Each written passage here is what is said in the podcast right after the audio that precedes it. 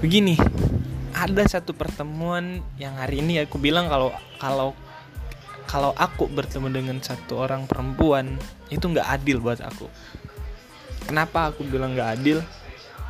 Karena ketika selesai pertemuan itu dia pulang mungkin chatan dengan cowok lain kemudian bisa istirahat dengan tenang kemudian bisa main sosmed dan lain-lain sedangkan aku gila men.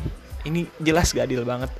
Aku harus memikirkan dia mikirin gimana caranya dapetin nomor dia gimana caranya bisa ketemu lagi.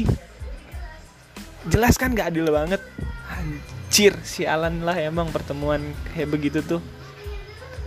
Dia kan nggak tahu kalau gue tuh pengen ketemu lagi sama dia.